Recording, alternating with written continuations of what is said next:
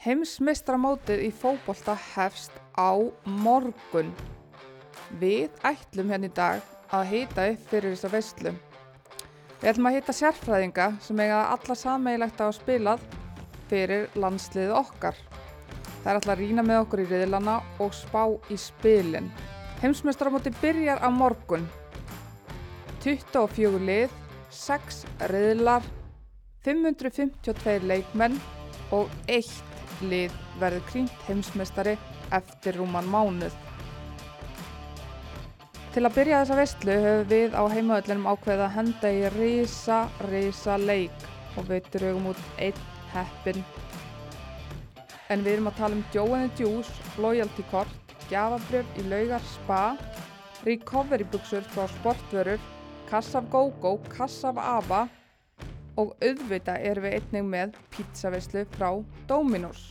Eina sem þú þarfst að gera er að segja okkur með hvernig þú heldur. Instagramið okkar er heimavöllurinn, þannig að endilega tjekkja á því. Ég heiti Hulda Mýrdal og með mér er Mist Rúnarsdóttir. Þetta er heimavöllurinn. Hulda, það er rísa þáttur hjá okkur í dag. Rísa mót framöndan, heimsmeistaramótið. Hvert hún að býða lengi til því? Uh, lengi, þetta verður ekki starra. Búin að býða síðan í Kanada. Já, haldið síðast í Kanda reynda að spila á gerðvíkara sig þá. Hvað Það- var það? Þegar að byrja þáttinn á tuði. Já, við En- getum alveg gert það en það er, það er fjögur ár síðan, það er mikið breyst. Margt vatnur unni til sjáar. Það er ekki, ekki? spilað á gerfigrassi í ár. Nei. Frakkar halda mótið. Það ætla að bjóða upp á nýju geggjaða allan að nýju geggjaða borgir. Ég veit nú ekki, kannski spila á fleiri en einu velli í hverju Einmitt. borg, ég þekki það ekki. Maður væri alveg til að fara til Nýs núna, söðu Fraklands og, og sóla sig og kíkja völlin. Ég þó það væri Ljón. Já, heimitt, Eða bara er hvert verra. sem er. heimitt. Ekki það, það er sem alveg sól hérna þessa dagana. En já, áttunda mótið, áttunda heimsmyndstarmótið, Já, haldið, fyrsta mótið var haldið 1991, þannig að þetta er korn ungt mót í er rauninni. það, eins Það og er- bara knattspinna hvenna er, er það ekki? Jú, en samt galið hvað, hérna, hvað við erum sein í gang með þetta. Já, það virðist Það vera er yngra en við, það Það virðist vera, þetta er allt svolítið sent í gang en við erum farnar á flug núna, er það ekki? Knattspinna hvenna, hún er að fara á Jú, ég held það, ógnarhraða. ég held það og ég held við sjáum það bara ótrúlega vel, til dæmis bara hérna í svona allri umfjöllun og umgjöri kringum þetta mót uh, mér allan persónulega finnst ég taka miklu meira eftir hérna, já, bara Efni. efni, ég veit að þetta mót er að fara að byrja byrjar 7. júni til 7. júli og veist, Ísland var náttúrulega heldur ekki með í Kanada en mér fannst ég ekki taka neitt Nei. brjálaslega eftir umræðinni kringu það mót Nei, hvað þá mótinu undan Einmitt. En þetta er bara eins og bara allt markasefni kringum þetta, ég meina næk, bara herrferðina sem að þær eru búin að vera að gera, eða þær eru búin að vera að gera, bara þau búin að vera að gera framlega efni stanslaust, maður fær bara gæsa húð, þetta eru svo sjálfsæði hlutir einhvern veginn. En þú fær samt. Já, en eh, þetta á að vera sjálfsæði hlutir, en maður er samt einhvern veginn bara, vá, við erum að komast þannig, þetta er bara, það er bara eitthvað svona, já, og líka bara um leikmenn þú veist, það ert ekki nema að fara inn á þú veist, fifa.com, þú getur lesið allt um alla leikmenn, mm. lönd, riðla og þetta er ekki bara einhver leiðileg forrutinar síða Nei, og fullt af fólk út um allan heima spjalla saman á Twitter og mm. önnur podcast en okkar og Mhm. aðrir hérna fréttamiðlar að dæla út efni þannig að það er svo sem engin, engin skortur á Nei, og bara einmitt gaman að fá þessar allar þessar fyrirmyndir út í heimi bara aðeins nær okkur. Mm þú veist, En já, þetta er áttunda mótið og uh, bara, já, 24 lið og 6 riðlar, haldið í Fraklandi, praktískar upplýsingar. Uh, er verið að spila okkur nýju stöðum og það er ennþá hægt að fá miða á leiki. mm Uh, það er brjálar áhugi í Líón, náttúrulega fókbólta sjúkborg og kvennalið þar stórkoslegt, þannig að það er kannski ekki skrítið að sé orðið uppselt á alla, alla leikina þar. En hérna við erum alltaf bara að hvetja alla sem að geta tjekkað út að, að kíkja hana, það er ennþá, ég kem með en þá er bóði að já, ná sér í miða. Ha. frakkar heldur síðast heimsmyndstur mót Karla náttúrulega 98 þannig að þau hafa reynsluna. Mm mannst ekki eftir því móti? Jú, síðan. frakkar vinna heimsmyndsturmótið á Já. heimavelli með bara frábært lið og Svo vinnum við frakka þarna einhverju setna eða ekki, það er ekki daða sko, skorar. var ekki eitt eitt Jú, við, unnum það eitt eitt, já, akkurat já, já, já, þeir er kunna þetta alveg, þeir kunna halda mót og bara, það virðist vera svona mikill metnaður í, í gangi.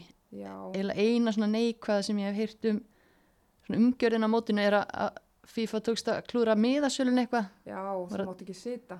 Og reyfa börnunum þínum um, um ólíka, ólíka staði í stúkunni. Þannig að ef við færum saman, þá myndum við sita á ólíkum stað. ekki, já, það er- eru líkur á því. En hérna þeir eru nú eitthvað að reyna upp um í þessu, við fyrirgeðum þeim það. En hérna en já, það er allavega vi- virðist öll umgjör vera í flottu standi og það er alltaf áhugavert að sjá að VAR verður notað í, í fyrsta skipti á stórmóti kvenna. Hva, hver er skoðun þín á VAR, Hulda?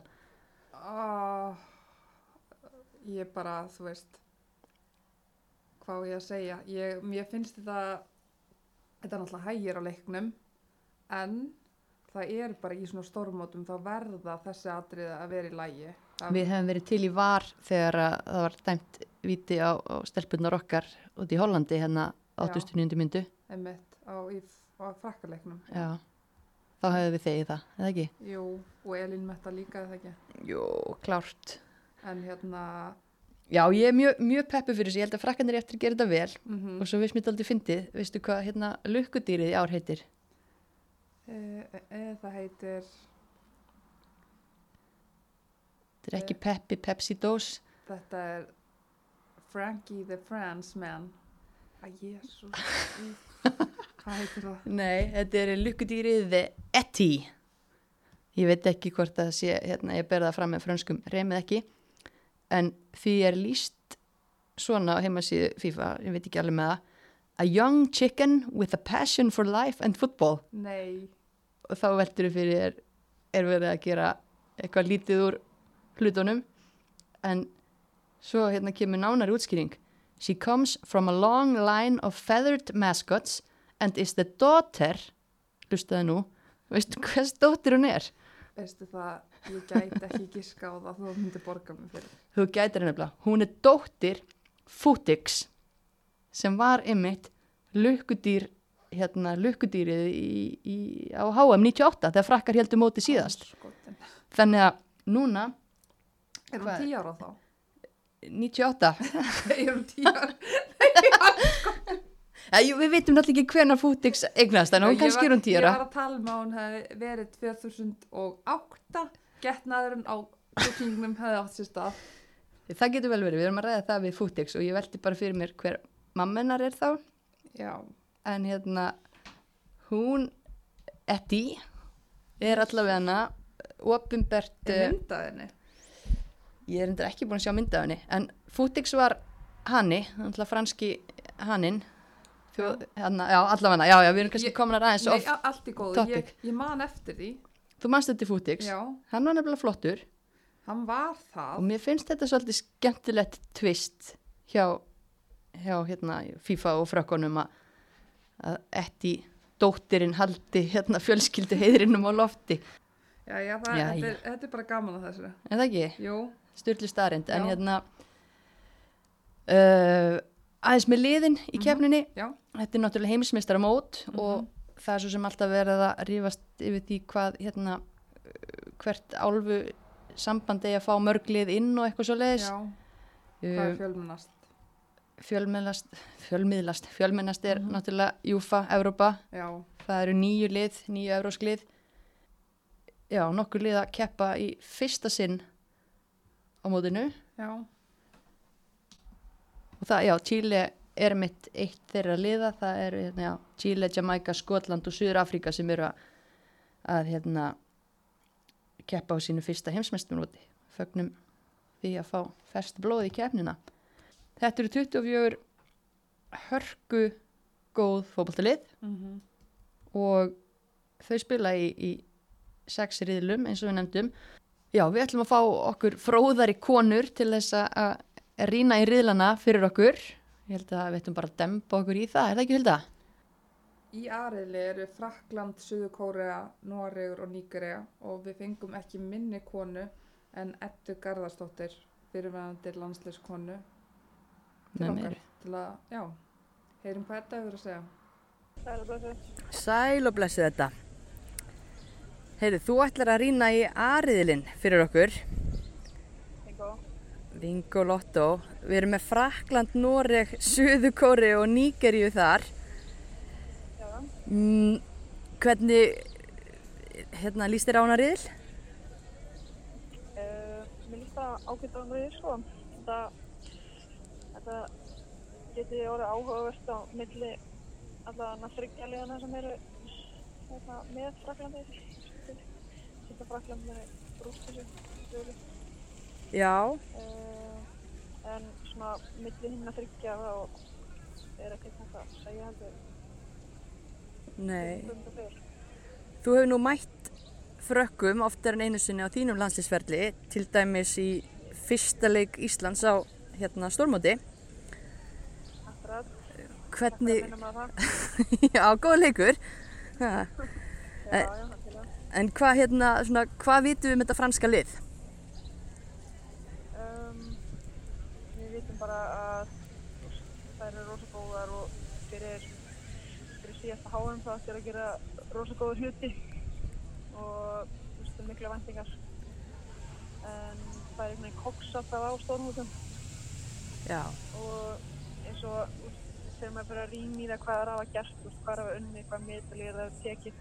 Það er eiginlega eini títilir sem það hafa tekið sem alhanslið það er She Believes Cup.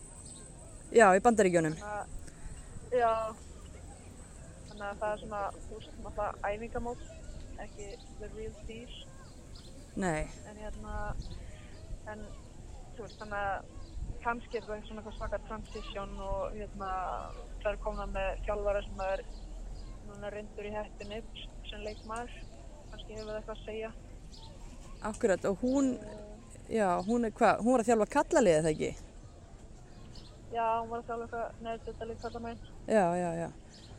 náði kannski engum svakalegum ánökjum með þá en, en hérna þú veist það er náttúrulega bara svona sigur allavega í svona þú veist jafnveitis bara þannig að, búin að sé að þjálfa semi-prólið kalla. Já. það er nokkuð gott hjá henni. En þarna þekkir hún sér betur hætti þannig að það verður vonandi hefur vonandi eitthvað að segja þú veist hvernig að koma í þetta, í þetta mót. Já, einmitt, og frakkar eru náttúrulega á heima velli. Heldur að það mun ekki skipta ykkur máli fyrir þær? og já, algjörlega sko. Ég, ég er pínu svona frakka aðdóndir sko.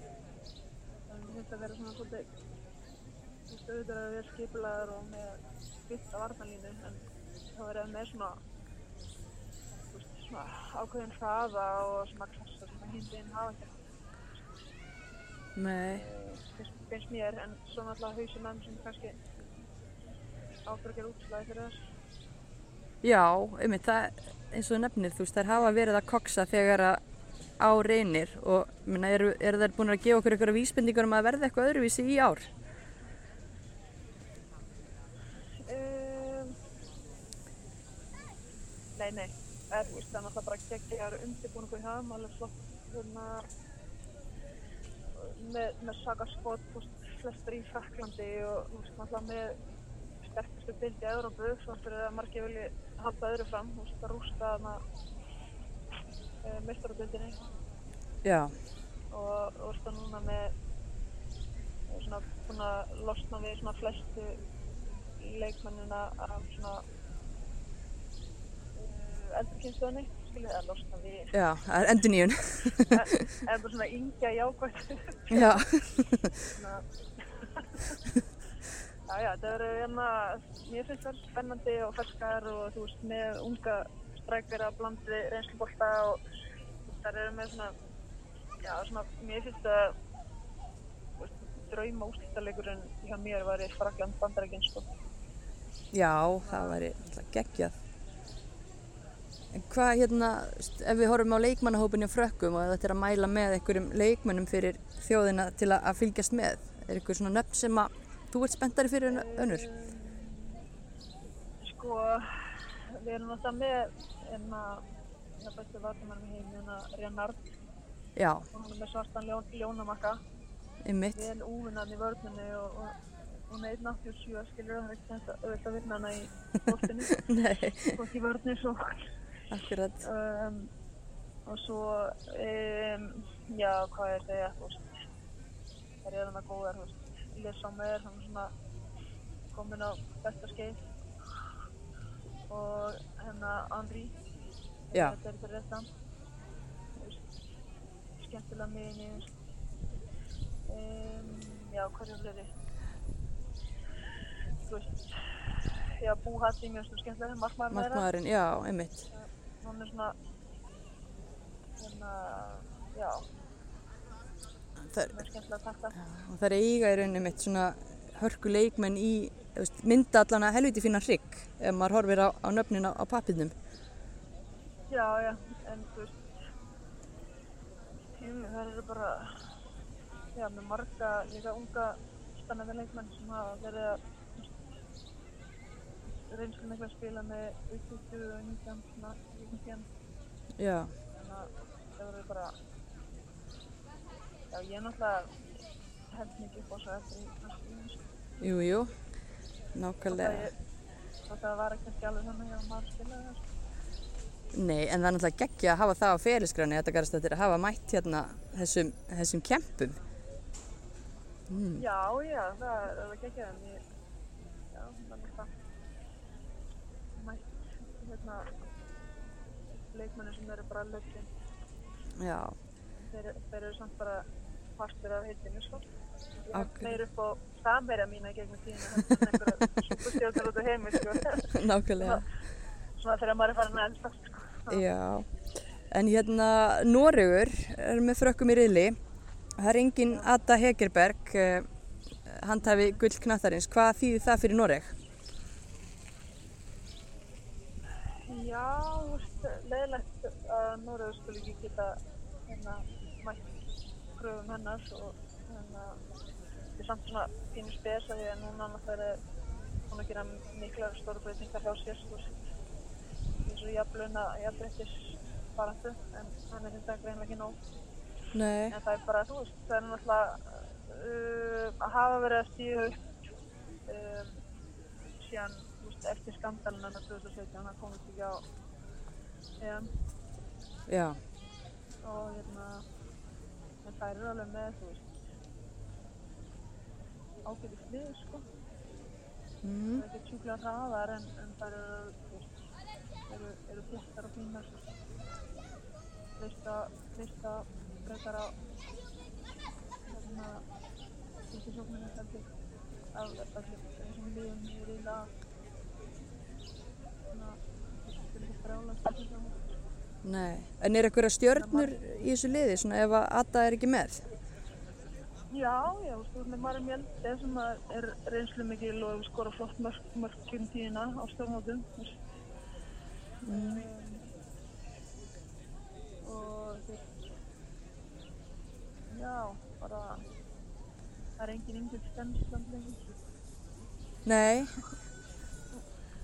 Það var alltaf svona,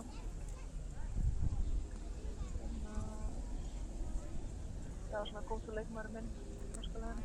Já, hann er kannski einhver ákveðin endun í það líka. Já, já, algjörlega. Um, en þær eru náttúrulega lang flestar hérna, norska fólkanum. Það er með einhverjar í, einhverjar í, í Þýskalandi og já, Svíþjóð. Já. Svona, svona frængan, Þóristundir, hún er þarna. Já, nákvæmlega, hún er í hóp. og- hérna, minna, hún er hörku leikmaður. Já, hún er búin að vera svona meitt upp á, síkvæmsti en hún er að koma í fram. Já, við erum að, við Íslendingar þurfum að fylgja henni. Já, ég held svona, já, þetta Nóru er bara þetta leiðsettinni, sko, það er ekki einhverja superstjórn sem þetta Hegerberg ekki í hóknum, en, en hérna, það eru bara, svo er þetta einhverja svona yngri sem ég þekki ekki nógu vel, sko. Nei, það fætta 99 og 98, það sko, einmitt. er ekki, er ekki heldur búin að vera nógu duglega að fylgjast með norska bóttanum, sko.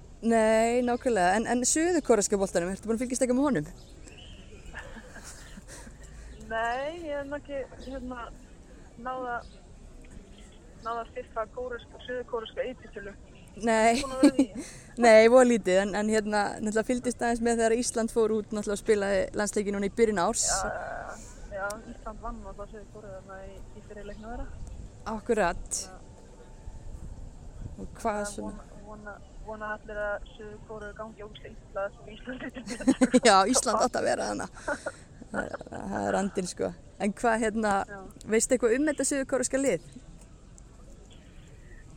Uh, nei, ég sko veit náttúrulega að þær eru með hana Chelsea stjórnuna, Mm, hana, hana G, eða J, J?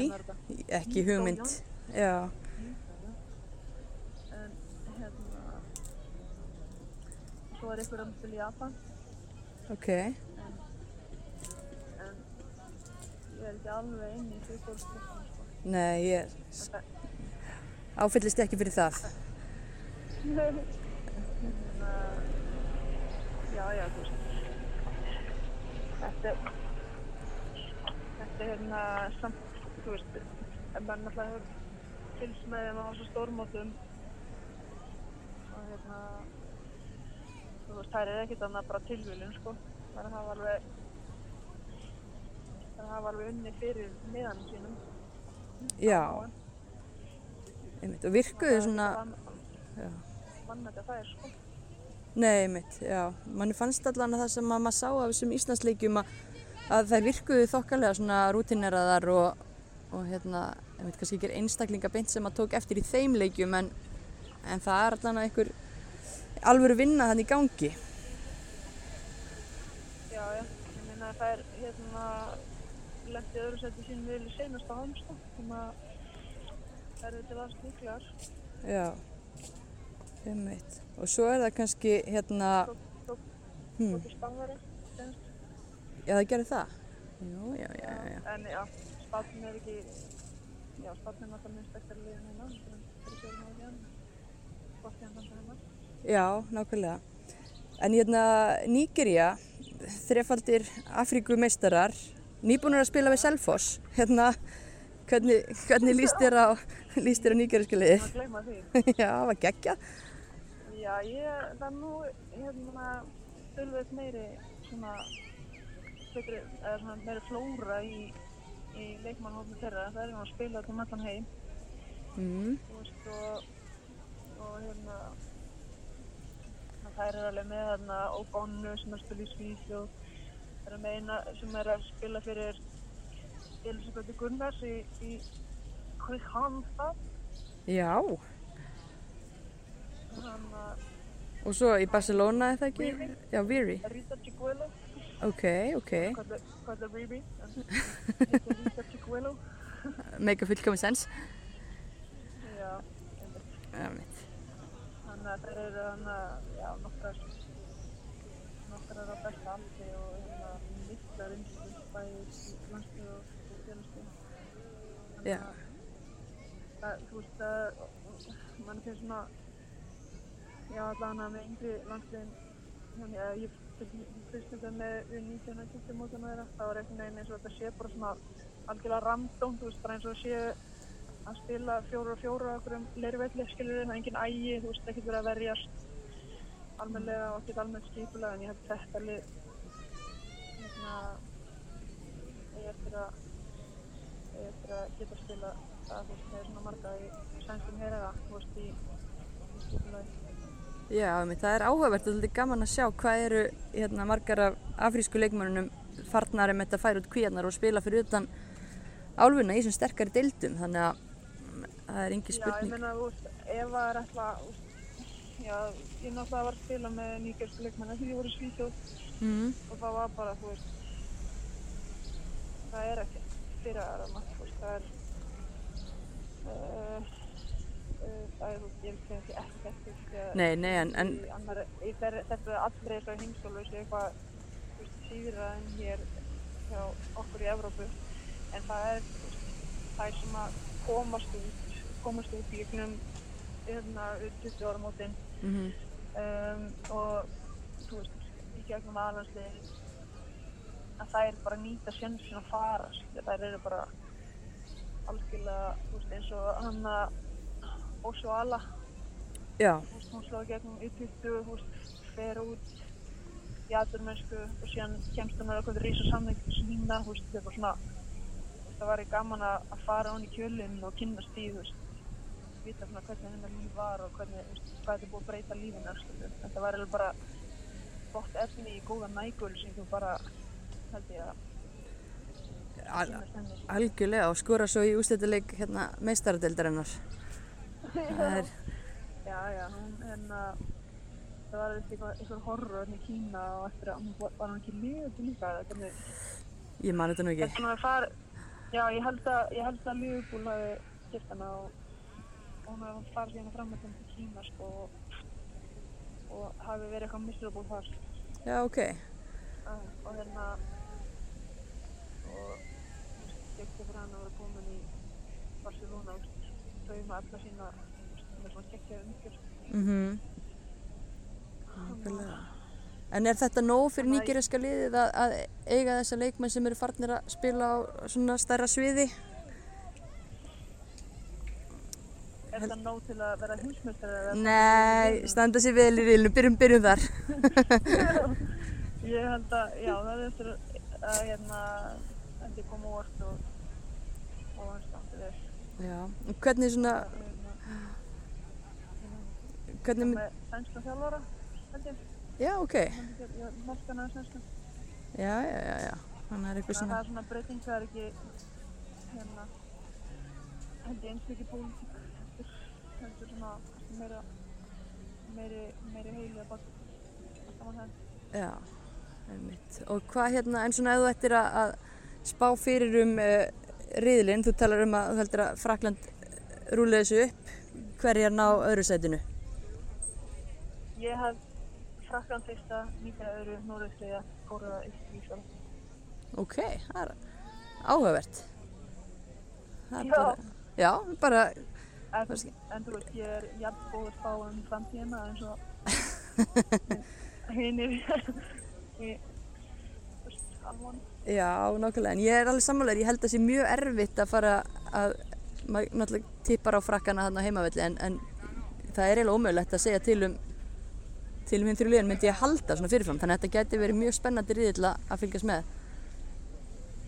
Já, þetta, þú veist, já, ég er bara svo sjúkt spennt fyrir þessu móti, sko, ég er bara, já, maður langar bara frí í vinnunni og bara horfa á alla leikina og Já, maður langar að, hafa hátíð út á skilju, en það kannski er ekki alltaf en við erum allan að nokkrar, við getum haldið einhverja, já, einhverja smáhátíð allavega. við tö- við tökum trófífest á, á, hvað, hver er þetta sem ég leikina? Já, Ennska barnum eða eitthvað. heitir barnum. Já, kíkjum þangað. Hljómar eins og mjög gott plan þetta, en hverjar verða heimsmystarar? Ég held að það, sko, já, ég held að það verður melli bandaríkina og það. Ok, Ég bara, ei, sko, já, það er, það er svo alltaf mikið hæp á Englandi, sko, og, og það er náttúrulega náðu sjúklega góðum ánöku í fyrra, en það langar ekki að þeim gangi vel. langaði ekki að þeim gangi vel? Ég, nei, ég læt tilfinningarna ráða. Ok. Þannig að það er bara, þú, Ég veit, með þetta Japan að það ekki ekki að lið, þú að spila þannig bolta, þú veist, hérna, það eru hraðar, snöggar, góður veist, ótrúlega skemmtilega heiming á þeim, já, bæði var það svo ótrúlega. Uh, ég samt, sá samt síðasta leik með Japan held ég fyrir árið síðan. Þannig að það er ekkert auðvelt að fylgjast með þessu. það er nefnilega vandamáli, það er ekkit auðvitað að fylgjast með Og þessu. sjá heila leiki, þú veist, með, bestu leikmennum, af því að það er ekkert endilega alltaf bestu leikmennum teknir í hjá til dæmis, þú veist, Asíulöndunum. Já. Um, en þetta var allan að gegja mót og ég er glöð að heyra að, við munum hittast á English Pub og, og horfa Já, á já, okkar, okkar HM, HM stofu, stofu þar. Mm. Heyrðu, Ég er með, maður verður svo gráð köttur á öllum stöðum sem sína þetta leiki. klárlega. En takk kærlega fyrir þetta, Edda, og einmitt bara sjáumst á, sjáumst í hámstofunni.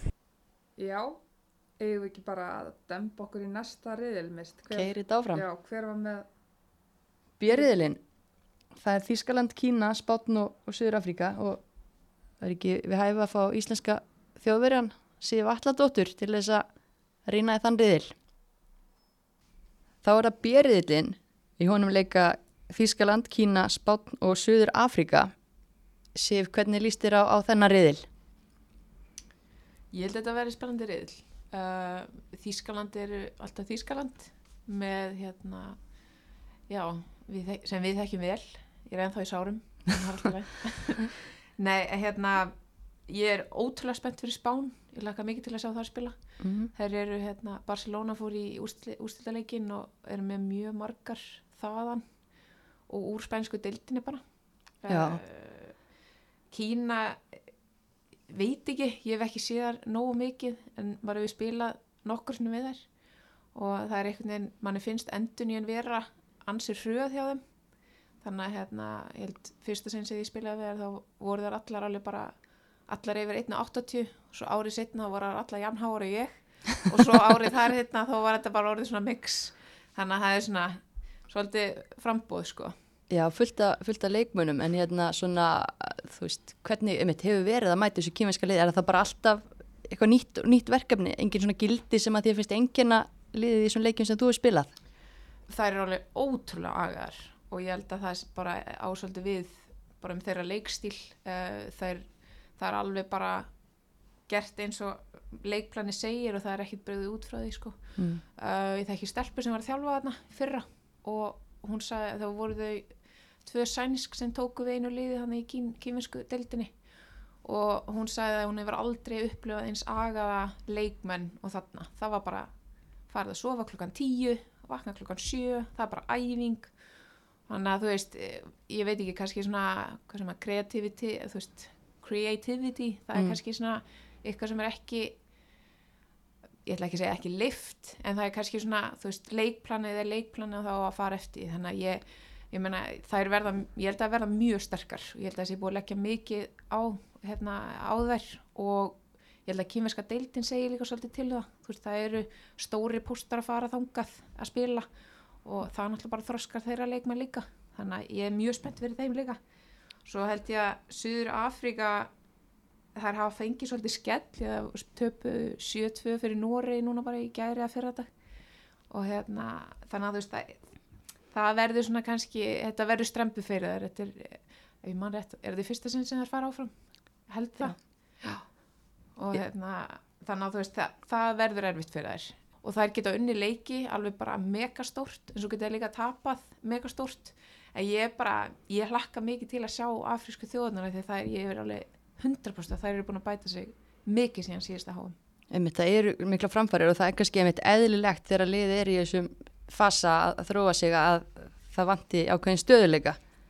Akkurat og hérna ég var að le lesa mig til um Suður Afríku og þjálfarin er gammal leikmaður sjálf og hann var mikið afrík fyrir hana og þetta var víst, mjög erfitt val fyrir hann að velja í hópin þannig að hérna hlós reyndar svolítið að því þegar hérna svona elsti leikmaðurinn eða svona reyndasti leikmaðurinn er 31 ég sem, vá, ok, hvað er ég þá ég er hérna komin á steinallarsafnið bara.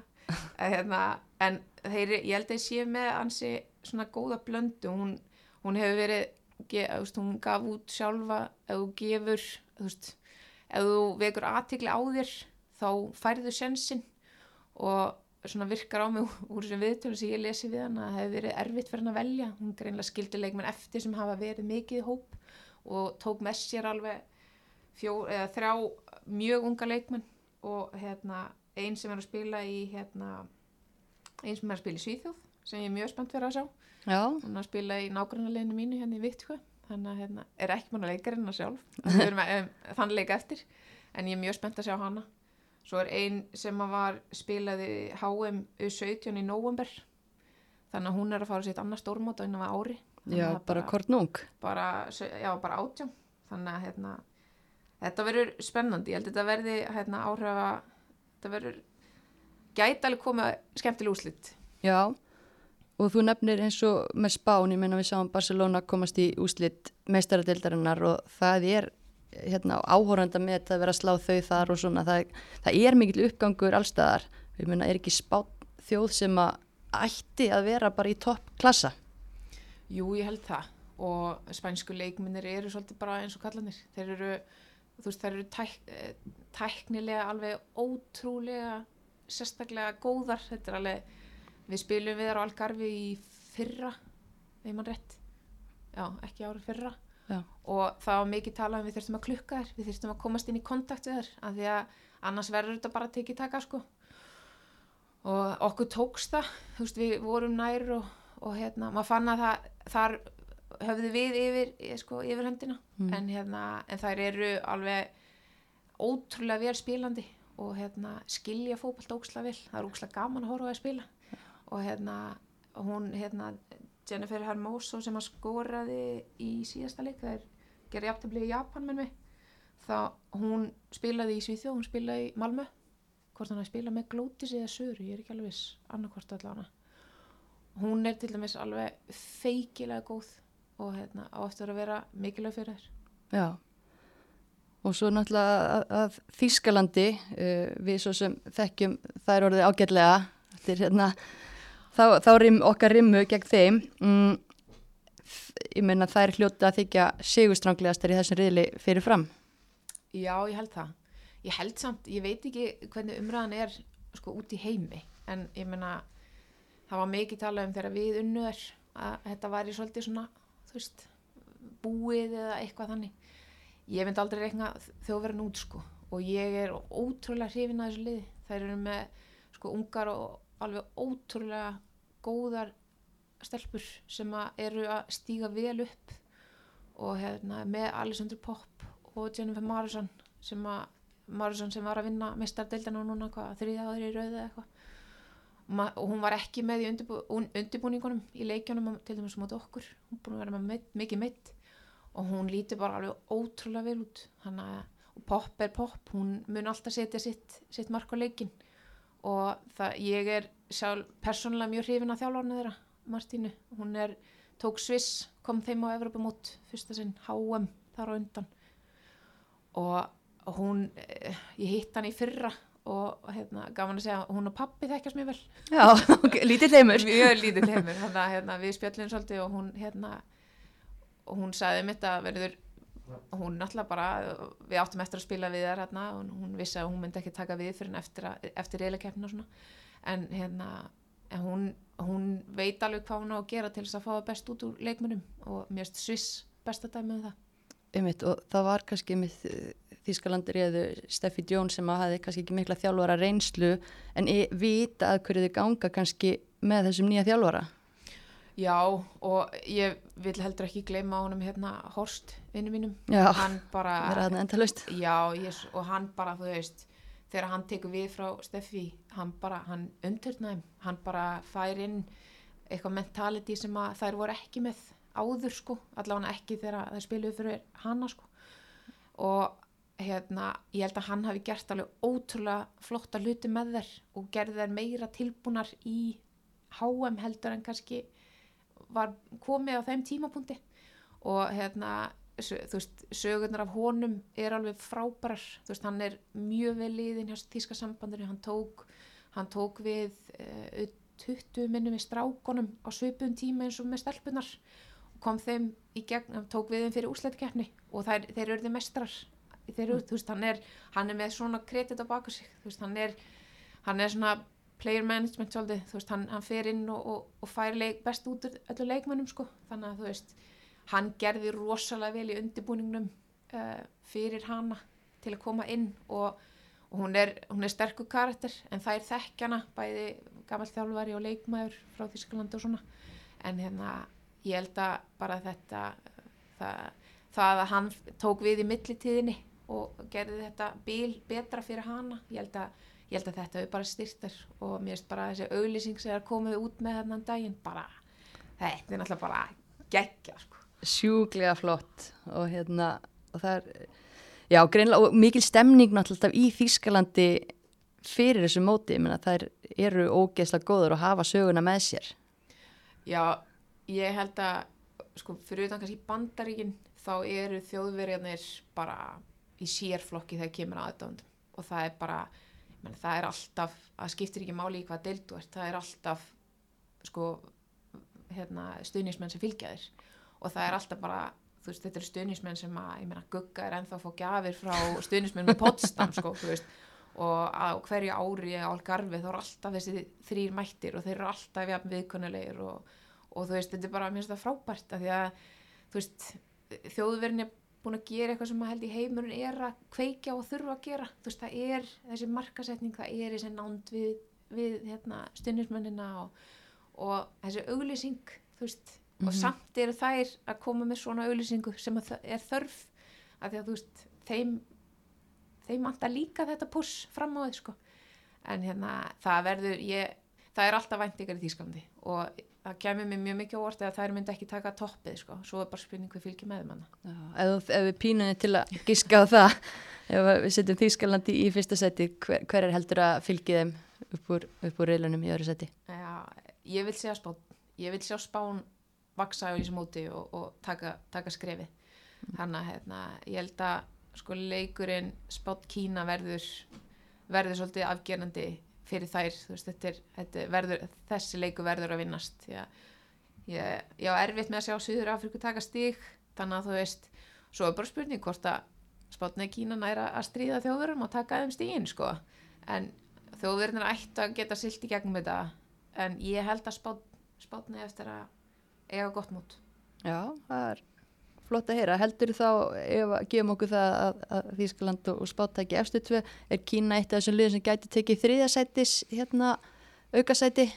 Já, mögulega mér finnst þetta sterkuleg reyðil sko mér finnst þetta hérna, þú veist, Kína mér finnst það líta bara vel út svona með við það sem að maður hefur séð og, og úrslit og svona og hérna, ekki það úrslit fyrir mótskiptan einu máli Nei. en hérna það, já, ég held það ég, mér þetta alveg Kína að vera líklega kandidat í að berast um þriðasendis hérna plósið Alright. Heyrðu, geggjað, takk fyrir þetta.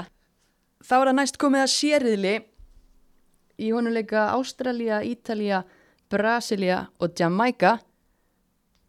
Þá fáum við leikmann sem hefur spilað á Ítalíu, Hallberu Guðni Gístadóttir, leikmann Vals og landstessins. Gjör svo vel. Hallberða, þá er það sériðlin Mhm. Ástralía, Ítalía, Brasilia og Jamaica. Já, Hefur eitthvað hérna, kynntir þessi lið? já, svona maður náttúrulega þekkir kannski Brasilíu og Ástralíu og Ítalíu aðeins betur en Jamaica ég verð að viðkynna, ég veit kannski ekkert mjög mikið um þær en þær eru að koma svona í fyrsta skipti á HM og hérna ég held að vera alveg áhugast að fylgjast með þeim en þetta verður mjög erfitt fyrir þær og maður svona hín liðin er allavega tölvöld sterkari. Já, akkurat, kannski, einmitt eins og nefnir, Ástralía og Brasilia eru náttúrulega kannski svona fyrirfram sigurstranglegust eða hvað? Já, sko, ég hef svolítið trú á Ítalíu. Ég, hérna, ég er búin að, var að skoða leikina sem það eru búin að spila og það er bara mjög langt síðan það er töpuð fótballtaleik og það eru með mjög góða leikmenn og það er líka svo gaman að sjá hvernig svona hvernafótballtun á Ítalíu er að þróast. Það er Juventus er allt í hennu farin að, þú veist, leggja þvílingan metna í hvernaliði sitt, þannig að ég ætlaði bara að gera svo djörf að spá Ítalíu og Ástralíu áfram og ég held að Brasilia ná ekki að fara upp úr reyðlunum. Það er að tekið þátt í já, öllum heimsmeistaramótum hinga til og þú er nú spilað á mótið Hvernig, svona, hvernig myndir lýsa þessu brasilíska liði? sko það er náttúrulega ógeðslega mikil reynsla í þessu liði. Það eru með svona gamall lið og það gæti alveg verið háðum hvað eru, það vantar kannski smá svona yngri leikmenn með, með í þess að blöndu en það er náttúrulega eins og segja mikil reynsla og Marta er náttúrulega til alls líkleg alltaf þannig að maður veit ekki en það eru ekki búin að vera neitt svakalega sannfærandi svona undarfarið þannig að ég, það er smá hyggst aðeim sko. Já, heldur að Marta sé kannski komin yfir um sitt besta eða? Já, sko, náttúrulega búið, maður spila á mótinu í Svíþjóð og það er, þú veist, hún getur, getur náttúrulega gert ótrúlega hluti með boltan en en maður hefði tekið eftir hún verður stundur svolítið pyrruð þegar hún spila með Brasilíu og það er svona gæti alveg há þeim en jú, jú, það eru náttúrulega alveg líklegar Já, já, já, þetta verður, þetta er þannig spennandi. Já. Hérna, Ástralía, það er kannski, landsliðið er kannski ekki brjálæslega þekkt hérna heima, en þær hafa verið að gera mjög góða hluti, eða ekki? Jú, uh, ég held að við höfum aldrei spilað við Ástralíu sko, en sko, það sem að maður hefur séð að þeim þá er það bara með mjög gott lið. Uh, ég spilaði með ástralska markmann, Lydia Williams, hún er snar ruglu og ég held að það er séu margar hann alveg svolítið svona, já, uh, skemmtilega týpur. Maður hefur heyrt sögur af Lísu til vanna þar sem hún er með ykkur, ykkur fáraleg svona, já, lendir í mjög skrautlegum atvikum með liðinu og hérna svona innanbúða mál og en svo er það náttúrulega með Sam Kerr sem er bara einna bestu leikmannum heims í dag myndi ég segja. Og, og þær eru bara mjög sólit og þær spila skemmtilegan bolta, þær eru opnar, þær sækja mikið þannig að þær getur lent í smá basli með varnarleikin Já, þú nefnir Sam Kerr einmitt, er, það er mikilvægt að hún verði í sínu allra besta formi á þessu móti. Já, ég held að þetta getur svolítið orðið hennar gluggi til að skína ennþá skærar hafi kannski aðeins verið litið framhjáni þegar það kemur svona að vali á leikmannum ársins og annað en, en ég held að verði bara mjög skemmtilegt að fylgjast með henn og ég vona allavega að hún verði með markaskona með sér. Já, og Ítalía, hérna, þú segist Bjart sín fyrir hérna ítölsku þjóðarinnar og talar um þróunin á boltanu þar, að Mhm. þú þekkir nú ágætlega til þar, er það ekki? Ég, ég svo sem kannski er engin sérfræðingur um það en ég náttúrulega spilaði á Ítalíu og, og maður uppliði ímislegt þar. Og hérna það var fyrir alveg nokkrum árum þannig að það er mjög gaman að fylgjast með þróuninu sem er að verða. Og þetta er búið að breytast mjög mikið á skömmun tíma. Og eins og ég sagði með Juventus bara hvernig þeir eru að setja pening núna í þetta og sjá almennilegum kvennalið þá ég verið að fylgjast með í gegnum fyrir liðsfélagum frá Jörgården sem var að fara í Juventus og var núna tvöfaldar meistara með þeim og bara það, maður verður svona eiginlega hálf afbríðið saman sko að sjá aðstöðuna og allt sem er bóðið upp á þarna. Þannig að það er mikið af þessum leikmönnum í ítalska landslinu er einmitt í Juventus og þær koma fyrir heitar inn í þetta og það eru með þarna Barbara Bonanza sem að hérna, ég verið hrifin hann mjög lengi, hún er bara virkilega góðu leikmaður og þannig að hérna, þær eru alveg líklegar sko. Mm Akkurat, og svo einmitt Jamaica algjörlega óskrifa blað. Ég hugsa að fáir hafi eða, tengi hérna nafnið á landinu við að vera fótbolta þjóð Mm uh, vitum við eitthvað um það lið? Er einhverju leikmenn þar sem að maður ætti að þekka nafnið á eða? Ég, nei, ég verð bara viðkynna það, ég þurfti að nota aðstóð Google og hérna til að aðeins að kynna mig bara liðið og það er náttúrulega ekki skrítið þegar ég sá að það var lagt niður fyrir 8 árum síðan bara landsliðið, það var ekki til fjármagn og endur var ekki aftur árið 2014 einmitt með dóttir Bob Marley sem aðstáði fjáráslega með það og eitthvað svona. Þannig ég held þessi ekki skrítið að það eru margir sem að vita ekkert um Jamaica og það eru náttúrulega bara algjörlega óskrifa blað. En stóð þessi ágætlega í þessari undankefni sem að þær fara í þarna en töpuður enda stórt á móti bandaríkjunum 6-0 þannig að þegar þær eru að fara að lenda í þessum bestu liðum að þá það getur orðið erfitt þannig að ég, ég held að þær verði þetta verði of stór biti fyrir þær Já, einmitt. Uh, og þú segir Ástralja og Ítalía mögulega áfram. Ætti Mhm. Brasilia möguleika að vera eitt af þessum liðum sem tekir besta árangur í þriðasæti? Já, það er náttúrulega, það er alveg líklega þetta er, samt, þetta er mjög erfiður riðil mér finnst þetta, þú veist Ástralja, Brasilia og Ítalja, þetta eru allt alveg mjög góð lið, þannig að það verður svolítið erfitt að kannski sjá hvaða tvö lið fara beint áfram en en það eru aðri riðla sem eru kannski líklega að þriðasætis liðið fari áfram, þetta er það erfiður riðil Já, einmitt. En svona að lokum bara heilt yfir í keppninni, hvaða lið heldur geta orðið heimsmeistari? Það eru náttúrulega sömu liðin sem er alltaf líklega hérna, Bandaríkin, Þískaland um, ég, ég held ég ætla bara að spá frökkunum tillinum, það eru á heimaðalli og eru með þéttan stuðning á bakvið sig, þannig ég segi Frakland Alright. Herri, geggja, takk kærlega fyrir. Takk fyrir Ég hef mist dýriðill. Hver spáði hann? Heyrðu, Rakel Hönnudóttir, landslískona, hún skoðaði dýriðlinn fyrir okkur, leikmaður Redding á Englandi, en í dýriðli leika einmitt englendingar og frængur þeirra skotar og svo erum við með skemmt skemmtilegt tvist að við erum Argentínu og Japan með þeim. Já, Hæ Rakel. sæl. Hæ hæ. Heyrðu, hvað segir þú? Þú ert með hörku riðil sem að þú ert að rýna í fyrir okkur. England, Skotland, Argentína og Japan. Já, Þetta eru hörku fótboltalið. Þetta eru mjög góð. Já. Það verður mjög spennandi reyðill að, að fylgjast með. Akkurat, og þú ert náttúrulega búin að vera að spila í Englandi í vetur. Hefur þið fundið fyrir mikil í stemningu þar? Já, það er náttúrulega, það er alltaf uppleið í ennska bóltanum Já. og þeir eru að reyna að gera þetta bara betur og betra með bara hverju mánuðinum sem að líður Mm. og ég hef alveg fundið bara mun frá því ég kom í janúar og frá því að ég fór í sumafrí bara núna en daginn. Þannig að þetta er alltaf mikill uppleið og þeir voru að gera við svo samning við banka úti þannig að Barclays Ok. fyrir kvennadeldina þannig að þetta er allt alveg bara mikill munur frá bara frá því fyrir þreymur árum á þessari deild. Ummitt og maður sér líka að englendingarnir eru búin að svolítið virkir á, á samfélagsmiðlunum, eh, senda út kynningar, myndbönd og, og annað. Það er greinlega mikill hugur í fólki. Já, mikill hugur og það var svolítið skemmtilegt þegar þeir voru að kynna uh, tópinn sinn fyrir háan Já. og þá fengu þeir fræga englendingar til þess að kynna hvernig þeir leikmann. Þeir fengu David Beckham og söngvara og fullt af fræga fólki til þess að kynna. Það var bara hver, hver þess að fræg persóna var með einn leikmann sem hann kynnti og þetta var mjög flott þeim. Nákvæmlega, þetta er alveg geggjað og, og skiptir ótrúlega miklu, miklu máli. Já, Og hérna það er náttúrulega með nýjan þjálfara, eða þú veist, þannig sé nýjan, Phil Neville, uh, góðsögn uh, Manchester United.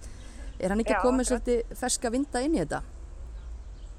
jú alveg ábyggilega. Hann hérna, ég finnst mikla vonum við að England verði þannig alveg í toppnum á þessu móti, sko.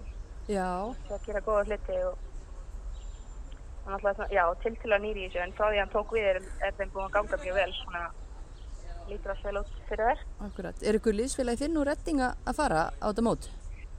Já, uh, það er Jade Moore, Mm. hún er sem sagt hérna í hóknum, Ok. hún er miðjumæður hjá okkur, mjög góða leikmaður. Lík, líkil maður í, í retting? Já, já, er fyrirlega maður í retting og, og mjög mikilvæg fyrir liðið þær voru með svo spilinni þegar hún var hálfmeitt, þannig að hún er mjög góð. Ok, ok. En hvað svona annað vitum við um þetta ennska lið? Eru aðrar, aðrar hérna, stjörnur sem á að mæla með því að fólk hérna, gefi gaum á þessu móti? Já, uh, fyrirlið Englands er Steph Houghton sem er að spila sem líka fyrirlið í Manchester City. Já, Hún er hérna miðvörður og, og virkilega svona sterkur og stór miðvörður. mm. Virkilega góður skallmaður og, og mjög hættuleg frammi líka í hotnum og svona, hún er alltaf sett fram í hotnum og, og hérna, hefur skorað fullt af mörgum og, og því. ok, ok. Þannig að hún, hún er, hún, verður gaman að fylgjast með henni. já, Svo er önnur, önnur sem að heitir Nikita Paris sem er líka að spila í Manchester City. Hún uh, var næst markaðist í dildinni já, á eftir uh, hollensku framherranum hérna, uh, Mítema, eða ekki? vi, Já. Dima, já. Já. Akkurat. Arsenal konan? Hún er, já, að svona hvað. Hún er sko, Nikita Paris er alveg eldsnögg og mikill markaskoraði, þannig að hérna, ég man ekki alveg hvað hún skoraði mörg mörg, hvað, 19 eða 20 eitthvað slags Já, í dildinni. ok. Þannig að það er hérna verið áverða gaman að fylgjast með hennum þeim allavega. Svo náttúrulega laka ég til að sjá leikina og sjá ef að Jade Moore fær að spila, leysfélagi minn. Akkurat, það verður geggjað. Og þú ert náttúrulega búin að vera að spila á móti fullt af þessum stelpum í vetur. Já, já. Hérna, já, ek ekstra gaman fyrir þig. Og ætlar að halda með hérna vinkonuðinum í ennska liðinu? Já, sko, ég er að báða mátt að kosti að halda með Englandi eða Skólandi, því að ég á aðra vinkonu í Skólandi sem er líka að spila með mér í ræting. Nú, hver er það? Þannig hérna, hún heitir Sophie Howard. Ok. Og, Hún er að spila sem miðverður og bakverður, svona til skiptir. já. Og hún er í þessu skoska liðið mitt. Og Íslandi er búið að vera að spila líka við skota þó nokkru sinnum núna bara stuttum tíma. Já, svona, hve, hvernig lið er þetta ef þú ættir að lýsa þeim? sko þær er spila mjög svona fysikal, þær eru mjög sterkar og spila svolítið harðan fókbalta. Já, Ekki bestalegi heimi en, en þær, þær eru svona ekkert ósvipar á Ísland. Bara átt að þeim og svona góður andi. Já, já. Og þetta er, eins og, og Sofí lísti fyrir mér, það er virkilega góður andi í hóknum og, og hérna, alla, alla vinkunur og ekkert vesinn og, og hann lakkaði mjög mikið til þess að fara að hitta alla og svona. og, talaði mjög vel um hópinn. og þetta er náttúrulega fyrsta heimsmeistaramóti þeirra þannig að það er kannski eitthvað svona ekstra, ég veit ekki, stemning. Já, mikill, mikill spenningur í hópnum hjá þeim. Já, svo Komist í fyrsta skipti núna. já, eiga þeir náttúrulega einna bestu leikmönnum bara í heimi allan að mínum að þetta Kim Little, hérna, Já, leikmann er, Mér finnst uh, það eiginlega, svo stelpa eiginlega þeirra besti leikmaður, sko. já, Hann svona virkilega kann leikinn og leik leikinn vel og ekki neksti leikmaður í heimi en hún virkilega svona góða staðsetja sig vel og með góða sendingar og og hérna, já, bara mjög góða leikmaður. já. Er ykkur önnu svona nöfn í þessu skoska liði? Nú er ég að viðkynna, ég þekki ekkit brjálæðislega mikið til þeirra sjálf, náttúrulega bara sé, verið að fókusera á Íslandi í þessum leikjum sem maður hefur séð að spila. Já, Emi. Uh, fyrirliðin þeirra heitir Rachel Corsi. Er að spila Ro- Royals með henni Gunnildi Já, og svo erum við mjög góðan framherjan sem heitir uh, Jane Ross. Þannig að það er alveg hellingsmannskapur hérna í, hjá skotunum. Já, já, já. Og Það hérna, er alveg, það er alveg góða sko. já. En hvað, Það hérna, já, en svo erum við með kannski lið eins og Argentínu sem að, það eru nú kannski, það eru lægst víst skrifaðar á heimslistanum af öllum hérna liðunum á HM. Þú veist, vitum við eitthvað um, um það lið eða er þetta, sko það eru nummer 37 á heimslistanum. Það er ekki mikið sem ég veit um Argentínu þannig séð. nei, En þær eru að fara þriðja skipti á HM og hafa aldrei komist upp úr reyðlinum. ok, Uh, flesti leikmenni þeirra er að spila á Spáni og í Argentínu og svona 50-50 já, já, það var ein held ég að spila einhver starf þar í Lyon fyrir uh, Soul Games heitir hún, sem er að spila í Lyon og restin var að spila á Spáni eða í Argentínu ok, það er nú getis hérna meðmæli að, komast á samning hjá Lyon svo sem, þannig að hún lítur að kunna, kunna eitthvað í fótbolta. hann lítur að vera Já, Já. Ísland hefur aldrei spila móti Argentínu svo ég mun eftir sko Nei, nákvæmlega, ég, einmitt, bara fór að hugsa, ég held ég hef aldrei séð hérna, landsliðið þeirra spila sko, þannig að þetta er spennandi Nei, að, sjá þetta lið. Mm. Já, það verður spennandi. Ég veit ekki alveg hvernig bolta það er að spila, sko. Þannig að ég er ekki kent með það almennilega, sko. Það er ekki sér leikið með þeim. Við komumst að því innan skams. Það HM, þannig að, já. Já, einmitt. Og svo er það náttúrulega Japanir sem að hafa komist í úslit á síðustu tveimur heimsmeistaramótum. En er þetta lið jafn stert í ár? Já. Uh, það er nefnilega, verður svolítið að koma í ljós, sko. Mhm. Þær eru með alltaf góða leikmenn, en það, það er pínu hérna kynnsljóðskipti búin að vera í þessu liði. Já, Þannig að hérna, þær eru sko að fara í áttundarskipta HM. já, vá. Unnu, unnu mótið 2011 og lett í öðru seti 2015. Einmitt. og fyrir liðin þeirra er að spila í Lyon líka Saki Kumagai Já, lesum það rétt hérna Saki Kumagai já. já, já, hár rétt. já og hérna já það er heimslistan sjönda sæti á heimslistanum Já. Hefur þú spilað á móti Og- Japan? já ég hef spilað tvisar móti í Japan það byrjum með dæðskiptin Ok, það var tæft, en nömdi það ekki allavega annað þeim í skiptum? þetta skipti var lengt já Já, við svona eiginlega lendum svolítið vekk þegar við spilum við þar í fyrsta skipti og ekki alveg svona, við sem ekki alveg við hverju átt að búast og töpphauðin, hann sem kostum að fyrir núli og svo leiðis. ok. Það var á Algarve Cup. Já, já, já. Hvernig svona, Þá voru eiginlega með sitt besta lið sko, þá voru þeir nýbúinir að vinna, ég held að þeim spila við að 2012 og það er unni mótið 2011 þannig að þá voru þeir alveg með alveg bara virkilega gott lið. já. og svona engenni liðsins, hvað myndur segja engenni japanska liðið? Það er spila svona eins til tveggja snertinga bolta og eru bara ótrúlega snöggar svona kvikar og það eru ekki mjög stóra og sterkar en það eru ótrúlega kvikar. Það er erfitt svona að ná að þessu boltanum af því það spila svo hrætt á milli sín. Já, einmitt. Það er hérna, já, það er svona engina, það eru svolítið svona í eins til tveggja snertinga bolta. Já, og þú segir að þær verði kannski svolítið spurningamerki út af þessum kynsluða skiptum. Já, svona, hérna, þegar leikja eftir leikja það er búin að spila 205 landsleiki og hún er hætt Já, á. núna. Að 205 landsleiki, það er rosalega Það mikið. er rosalega mikið. Já, þannig að hérna, já, hún er hætt núna og það var einhverju sem hætti núna eftir, eftir að leggja öðru seti 2015. Þannig að þetta er svona, verður spennandi að sjá hvort það séu með jafngátt lið og, og á síð semur heimslistamótum. Því að þær eru dottna neyri í sjöndasæti heimslistanum og voru hérna í eftir þrem alveg í nokkur ár. Já, nákvæmlega. Þannig að það er svona, verður spurning sko. Já. En hvað svona, þú veist, ef þú ættir að, að, tippa á, á svona hvernig þessi riðil mun spilast, hvaða lið serðu fyrir þér að- vinni þennan riðil? Ég myndi gíska á að England vinni riðilinn. Mm, Það tippa á það að Japan lendi öðru seti, ok, Skotland í þriðja og Argentina í fjórða. já, Bara svona eins og á papirunum þá er þetta England í þriðja seti heimslista, Japan á sjönda, Skotland svo í 20.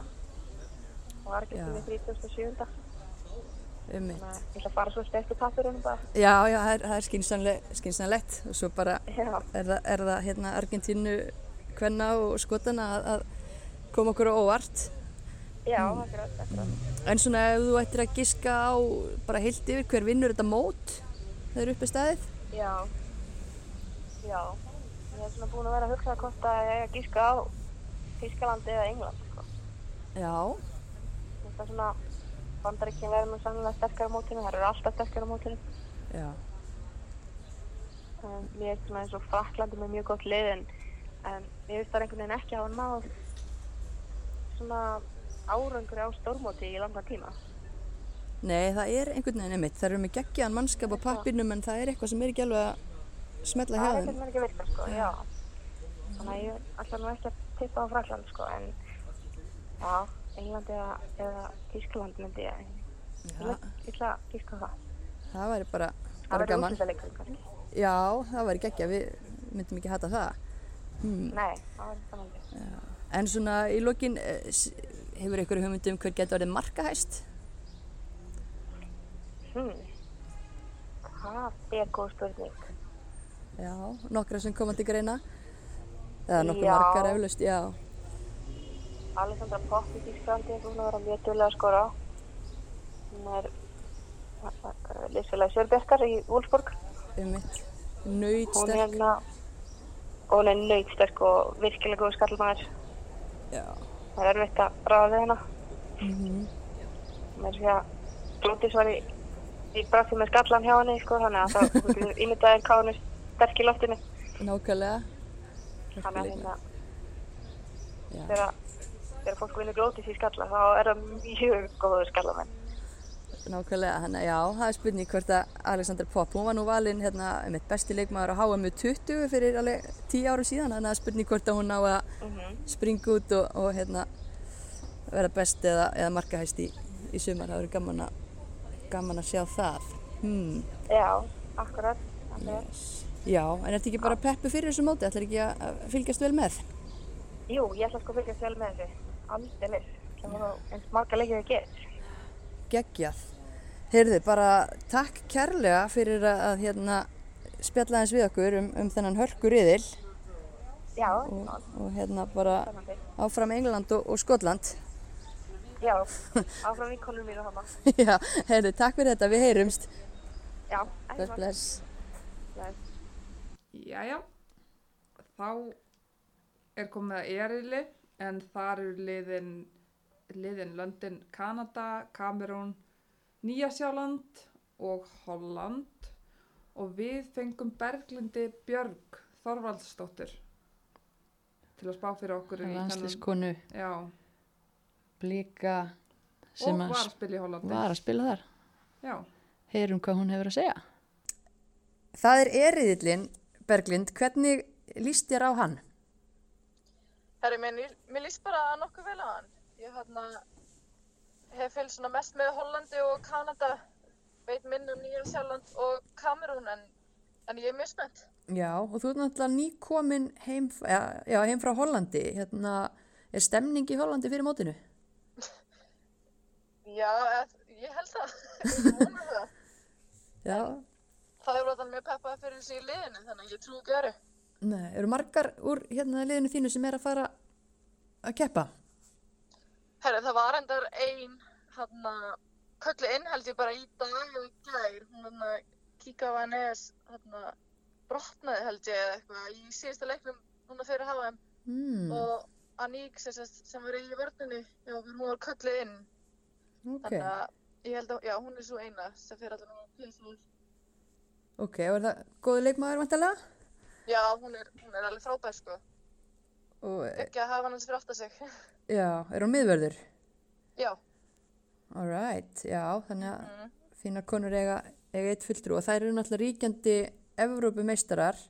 já, Hvað svona, eða þetta er að lýsa þessu hollenska liði, einhver svona einkenni eða einhverju líkil menn sem að við ættum að, að hérna, taka eftir á mótinu? já, þar eru nokkra sko, og svona Líki Martins er mjög góð. Þannig að Vivian framherjinn. Já, svo náttúrulega Spitze, uh, Vandi Sandin, Vandi Donk. Um, það eru alltaf mjög góðar þannig að og náttúrulega mjög mikil hraði í þessu liði, þeir eru mjög fysikal. Held ég verið mjög hrifin af þessu liði. Já. Og, og þú heldur að, að, að hérna, já, að þær séu svona með hérna, betri liðum í þessum riðli, sem sagt. já, ég myndi alltaf að ég held að það er vinnina reyðil Mm. já, ég, hérna, ég held og ég held að verða líka í endi í 12-5 á mótinu, Top 3, top 5 top 5, já, já, ok. Það ég er trúa mínum konum hann í Hollandi. Einmitt, einmitt, en þær eru að berjast þarna við nokkur hörku lið í þessum riðli. Uh, Kanada, uh, hvað vitum við um, um Kanada? það er náttúrulega með örgulega besta sendir í heimi Sinclair hún náttúrulega, ég held að sé leikihæst og markahæst í þessu liði þannig að náttúrulega byllandi reynsla þar Já, og hérna, já, og eru með fullt af leikmennum hérna, Sophie Smith og Fleming, úst, það er allar mjög góðar mm. En fólk er svona, það er búið að vera að tala svolítið um Sinclair í um eitt aðdraðanda mótsins, að þetta verði kannski svona hennar, hennar mót, heldur það að sé eitthvað til í því? já, ég meina, hún deliverar einhvern veginn alltaf og þú veist úst, ég því, hvað er hún, 35 ára? Hún verður alltaf bara í betur og betur standi þannig að ég held að hún verði, geggjuð á mótinu. Já, og kannski hennar síðasta HM, maður veit það ekki, veit ekki hvað hann endist, þannig að um, mikilvægt fyrir hanna að- gera vel. já, nokkala Mm, En svo eru þarna einmitt, kannski tvölið sem við vitum minna um, við vitum reyndar að það er káeringur í, í nýsjálenska liðinu, Við- hérna, hefur eitthvað séð þær spila? Nei, ég er unni ekki, en ég sá samt, ég held að það verið unni England um daginn 1-0. Já, það eru svolítið áhugaverð úrslit svona réttur í mót. Já, þannig að vondi gefur það þeim bara sjálfströst inn í mótið. Já, einmitt. Og svo er það Kamerún. Já, Það er kannski líka annað svona óskrifa blað eða hvað. já, ég eiginlega veit bara eiginlega ekkert um þetta lið, sko. Ég veit bara að þær hafa tvist sem við fara á þeim Já.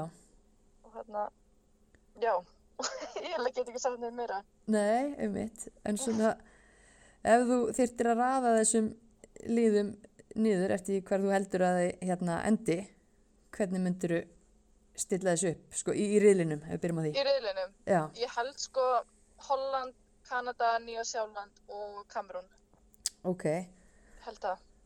Og hérna, það er alltaf möguleiki að- að liðið í, í þriðja sæti geti komist áfram á, á bestum árangri þar, séru fyrir að, að hérna, Nýjasjáland geti tekið það?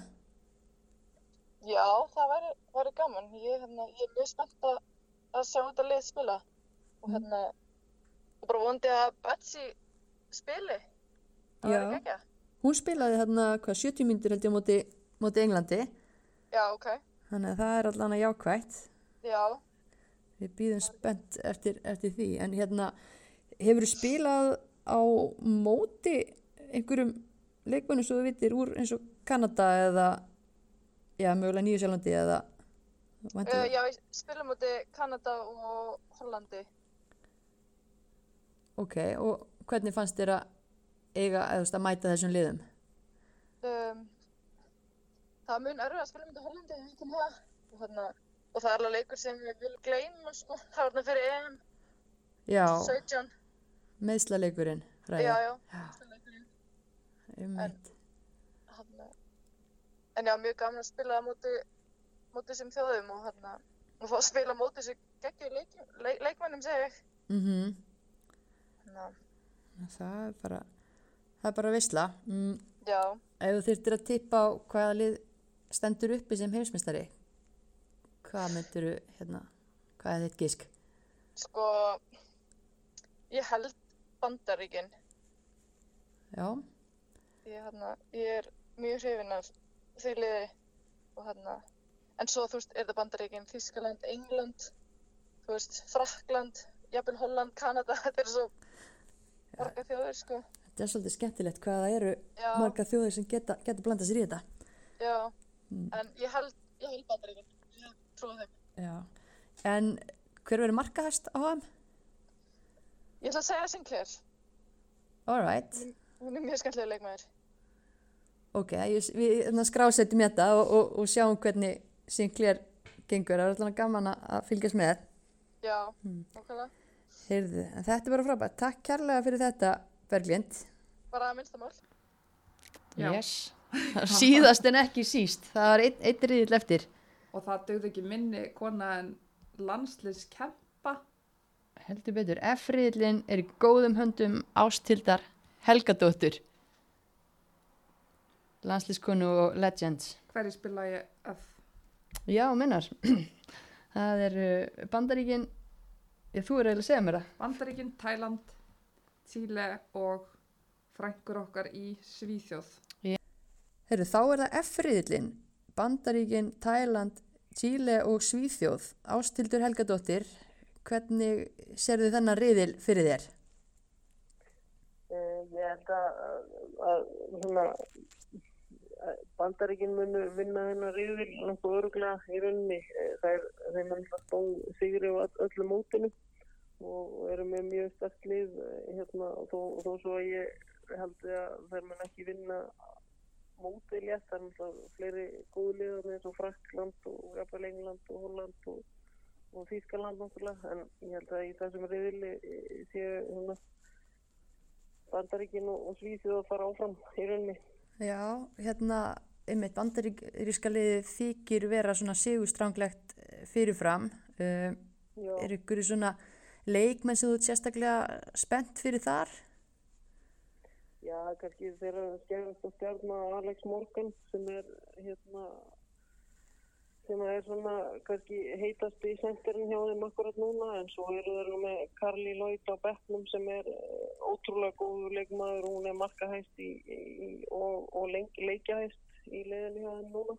Já, og hún er markahæst reyndar í sögu bandarinska leysins þannig að það er, það er nú ekki slæmt með að að leika eins og mjög og fleiri hafa verið í bandarinska leiði já, og svo eru fleiri leikmenn sem að eru og er kannski svona sterk, með sterkasta hópin í rauninni mm, uh, með mjög sterka leikmenn og bekknum sem hafa verið að koma inn og, og, og skora og klára leiki fyrir það þannig að uh, Kristen Press og Mallory Pupú sem eru mjög og aðeins yngri og mjög sterkir og skemmtilegi leikmenn já. Þannig að þetta er aldrei breytt í þessum bandaríska hópi greinilega. Já, Og, og mjög reynslu miklu leikmenn sem eru klára undan þessu besta ennþá í rauninni Já, einmitt. Þannig að þú sér ekkert lið í riðlinum stoppa þær, eða hvað? Nei, ég sé það nú ekki. Ég, Þæland og Chile eru, Þæland er kannski, menn eru kannski að spá því sem slagast að liðinu í allir keppnin og, og Chile eru kannski svolítið óskrifa blaður en, en er ekki kannski líklegt til afreika á mótinu Nei, einmitt. og, og svíjarnir náttúrulega eru, eru jú alltaf sterkir hafa, hafa alltaf verið með á HM og EM náttúrulega en, en aldrei unnið og, og núna sé ég þeir ekki okkurna eitthvað bandaríska liðinu og, og ekki, ekki eiga kannski einhverja sérstaklega góða möguleika á að vinna mótið en, en ég held að þeir fari klálega áfram. Já, þú þekkir nú vel til í, í Svíþjóð eftir að hafa verið búsett þar lengi og, og spilað. Hvað hérna, hefur eitthvað svona skinjað stemninguna í Svíþjóð fyrir mótinu? Já, það er, það er alltaf mikill áhugi og góð stemning í rauninni þó svo við viljum alltaf meira náttúrulega en, en það voru kannski ekkit að spila neitt glimrandi vel í undankeppninni og, og, og náðu nú samt að vinna reyðilinn og hafa ekkert verið að spila vel kannski undanfarin ár í rauninni. Það eru þarna, gamle þarna, leikmenn sem eru komnir aðeins hérna, á setni hluta ferisins og, og, og hefur vanta kannski að fá inn unga nýja leikmenn. En vonandi eru þær að fara að sína, sína eitthvað ungu leikmenni núna. Já. og það þekki ég náttúrulega vel til bæði Hedvig mark, markvarðarinn sem spilar í Englandi. Hún er mjög góð í marki. Já, og, og Nilla Fischer sem ég spilaði með. Þannig að og, og, þannig að það er svona kannski gaman að fylgjast með þessum leikmennum já, einmitt, já, þú spilaði með Nillu. Er það, Já, hún, hún var með mér í Malmö og, og spilaði þarna líka þegar Þóra var og svo Sara Björk þannig að, að það er, hún er þekkir vel til Íslandingana. já, akkurat, þú verður nú að halda, halda eins með henni þá, eða ekki? Jú, klálega, hún góð vinkonu mín þannig að ég heldur þetta með, ég heldur þetta með sig hérna. Já, Þannig að, hérna, en, en ég held svona að það er að sé ekki með nógu sterk lið til að, að til að það er að slast um gullu til dæmis í keppninni en, en ég held að það er minna klálega að fara áfram úr reilinu, upp úr reilinu. já, það er svona virðist fyrirfram sem að sé tölverðu getumunur á þessum, já, bandaríska liðin og Svíþjóð og, svo, og Tælandi og, og, og Chile og Chile að keppa í fyrsta sinn á HM, veistu eitthvað um það lið? Ég veit bara mjög lítið, ég var um þetta að reyna að grænslast fyrir um þær hvort það væri kannski einhver svona stjarnar sem að væri að spila í einhverju sterku liði í Európa en ég, ég, gæti nú eiginlega ekki sé það. Ég, ég, veit ekki hvort það, veist þú það?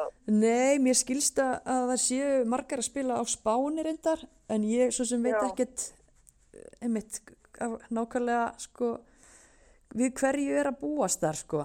Þannig að þetta er svolítið, það er svolítið gaman að fá, fá nýliðinn og, og kynnast þá nýjum leikmunum og svona. Mjög svo og það er náttúrulega ótrúlega gaman bara að sjá uppbygginguna í heiminum í, eins og á Spáni þær eru að spila á Spáni spænska deildinni það er ótrúlega framfæri orðið þar sko undanfærin ár. Já, og, og, hérna, og fleiri lið og greinlega metnaður í, í hvernig starfinu þar núna. Sjáum við svo lið, eins og, og Holland náttúrulega, Evropamistarar og, svo er Portugal líka að leggja aðeins meiri áherslu á hvernig bóltan þannig að það er ótrúlega gaman að fylgjast með þessum liðum. já og hefur kannski, er koma kannski nýlið sem eru farin að gera eitthvað allegu frá því að, að þú varst til dæmis að spila, ég meina, er þetta sömu sömu stóru liðin, ég meina hvernig svona sér þú þetta, finnst þetta að vera sami pakki? Það, já, það er náttúrulega Bandaríkin og Þýskaland, frakkarnir hafa náttúrulega bætt sig gríðarlega á, á síðust árum. Holland bætt sig mjög mikið, þetta er, þetta er lið sem við unnum alltaf í, þegar ég var að spila Já, og, og hérna, svo eru skotar líka með mjög spennandi lið í raunni, það er hérna, töpuðu ekki leik í undarkerninni. einmitt Uh, þannig að á England mjög spennandi lið, dildin þar er orðin bara mjög sterk á Englandi þannig að, að það er svona fleiri lið að keppa um þetta ekki eins og var kannski hérna, fyrir nokkrum árum þetta var yfirleitt bara uh, Þýskaland og Bandaríkin sem voru langt bestu liðin Nei, Einmitt, það er bara, við fögn, fögnum því. Já, Hmm. En svona, þetta verður bara mjög spennandi mót. Og ætlar ekki að fylgjast vel með? Jú, jú, klárlega og og þetta er bara verða hörku leikir og gaman að sjá hérna, tekníkt mjög góði leikmenn hérna, í þessum liðum og, og taktíst líka þannig að þetta verður, bara verður mjög gaman að sjá þetta. Já, akkurat. Heyrðu, frábært. Bara takk fyrir að hérna, já, rýna, rýna í, í F-riðilinn með okkur og, og gaman að heyra svona hvernig þú, þú sér þetta. Þannig að, að hérna, að þá ekki bara áfram heia Sverige eða, Jú, það ekki bara, hmm, ég held það. okkar.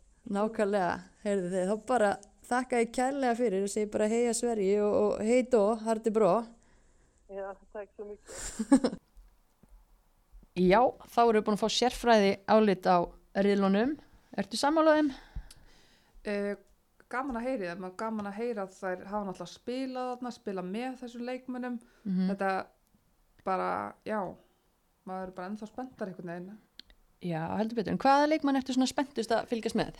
Uh, uh, um, Alex Morgan Alex Morgan. já, hún er er verið þrítug, er orðin nei, ég veit ekki hvort hún sé orðin þrítug hún er aldrei spilað betur, var að skora sitt hundraðasta mark í, í hérna landsleik og bara þvílíkur spilar sem sóknamaður í nýjun örgla og já, það er hún eða Lindsay Horan Já, Hún spennandi já, leikmaður Það eru báðar bandarískar. já, að, er það, Já, ég meina, ég held að bandaríska liða verið sjúklega gaman að- fylgjast með þeim, sérstaklega sóknarlega. mm -hmm. Og mér langar svo sem að bæta einni annari bandarískri við. Uh, líka bara, hún er ekki bara góð í fótbolta, hún er líka svo geggjaði karakter. Megan Rapinoe og einmitt hvet fólk til að fylgjast vel með henni. Jant innanvallar sem utan, fylgin á samfélagsmiðlum, hún er algjör töffari. Það verður alltaf gaman að já, fylgjast með, með henni á þessu móti. En síðan... Uh, eru við bara með Ameríku Nei, mér langar að nefna annan leikmann sem að, að því að nú er verið að tala um hvort að frakkar geti unni mótið og svo framvegis að ef að frakkar ætla að vinna mótið þá þarf hérna Amandine Henry að vera í geggjustuði. Frábær leikmaður, frábær miðmaður, uh, ótrúlega mikið í boltanum, hérna, geggjaði dreifari og býr helling til fyrir frakka þannig að ég myndi segja að hún sé svona key hjá þeim og ég ætla allan að Já. fylgjast náið með henni þegar þú segir nafnið bara, ég fæ einhvern veginn hroll bara að hugsa til þess það er íslensku leikmennir hérna vorum að mætinni í franska leiðinu, hún er bara hún er ógeðslega góð Já, og bara einmitt. En það er ótrúlega líka erfitt að fara að taka út einhverju leikmenn því að hvað eru mann ekki hvað eru margir leikmenn skráðir á móti sko en, en eh, þær eru hver annar betri í fótbolta. Þetta Mhm. verður algjör veisla og við að uppgötva líka svo marga nýja leikmenn já, að því að því miður þá einhvern veginn sjáum við alltaf bara leiki úr já bara náttúrulega íslensku, íslenski boltin en allt hitt er eitthvað sem þurfum að tegja okkur eftir og það er ekkert verið að sína frá öllum dildum þannig að maður þekki leikmenn lítið sem er að spila utan bandarísku dildarinnar og, og evrósku hérna, stóru dildana sko. Já, einmitt. Við erum að fara að sjá bara hellinga nýjum fótbolta nýjum leikmennum, nýjum stjörnum. Já, og bara geggjað fyrir bara unga krakka líka að sjá þessar geggjuðu fyrirmyndir. Mm tala nú ekki um hvað við tvær eru spenntar en svona, já en hver verður heimsmystari held að? Ég verð þetta er leðilegt svar kannski en það er unnu síðasta mótið, gerfugrassið í Kanada það er unnu það. Þetta eru bandaríkjakonur. Það Ok. eru bara það góða ríkjandi heimsmeistarar efstar á FIFA listanum það eru með svakalegt sóknarlið. Ég veit ekki hvernig það er alltaf að stilla þessu upp. Nei, þannig að ég myndi setja minn pening á þær. Það eru líklegar. Uh, engi spurning. Hvað ertu með? Ég myndi segja að það væri á milli þeirra og heimakvennana í Fraklandi. Það er spurning hvort að þær geti nýtt sér hérna heimavöllin, stöðningin stuðningin já og þær eru náttúrulega með frábært lið en það hefur einhvern veginn skort aðeins upp á að ná að smetla inn á vellinum. Svona skapi fólki og svona einhvern veginn verið svona vissuleiti hafa stundum vantað einhverja svona ekstra, ekstra liðsheild sko. Samhældni, já, en uh, ef að þær finna já, samtakamáttinn og geta gert vel úr, úr sínu þá eru þær alltaf klárlega líklegar þannig að mm það sé ekki bara annarkvort þessari liða þá ætlum að hlammi sér ekki bara í sófan. Jú, og því lík þjónusta sem að Rúf ætlar að veita okkur. Já, Þau var að það eitthvað. Við erum í góðum höndum hjá Eddu Sif og, Kristjánu, það er Mhm. alltaf haldið utan um þetta, Rúf ætlar að sína alla leikina, Ég myndi ekki trista neinum betur. Ekki sjálfur þér. Ekki einu sinni það, en Kristjana og Edda, þetta verður bara geggjað, geggjað Já. umfjöllun og bara að líka hafa tækifærið að geta hort á leikina sem hann langar. Mm Þurfi ekki að grafa eftir einhverjum gömlum Twitter skilabóðum til að komast að úrslitunum. Nei, nákvæmlega, þetta verður æðislegt og ég veit ekki mitt, þú veist, þetta er mánaðar mót, við verðum óvinnu færar líklega. Líklegast. Konar með grindagliðnun og, og eitthvað eftir sófasettuna. Já, það er hægt við því. Hmm, Já, en hérna ef ekki bara hvetja í hvetja bara alla til að horfa alla til að vera með okkur, við ætlum að fylgjast með og bara ef ekki að við verðum eitthvað að segja frá þessu á Instagramin okkar það ekki? jú, við verðum að fylgjast vel með og, og gaman að heyra hvað fólki finnst og svona, og Mhm. kannski að henda spurning út í kosmosi hvað hvað íslenska þjóðin heldur að hérna gerist á þessu móti. Mhm. Hmm. En erum við ekki bara góður í bíli, Jú, við bara farnar að fá okkur Dominos býðum spenntar eftir að, að hérna flöta verið til leiks. mm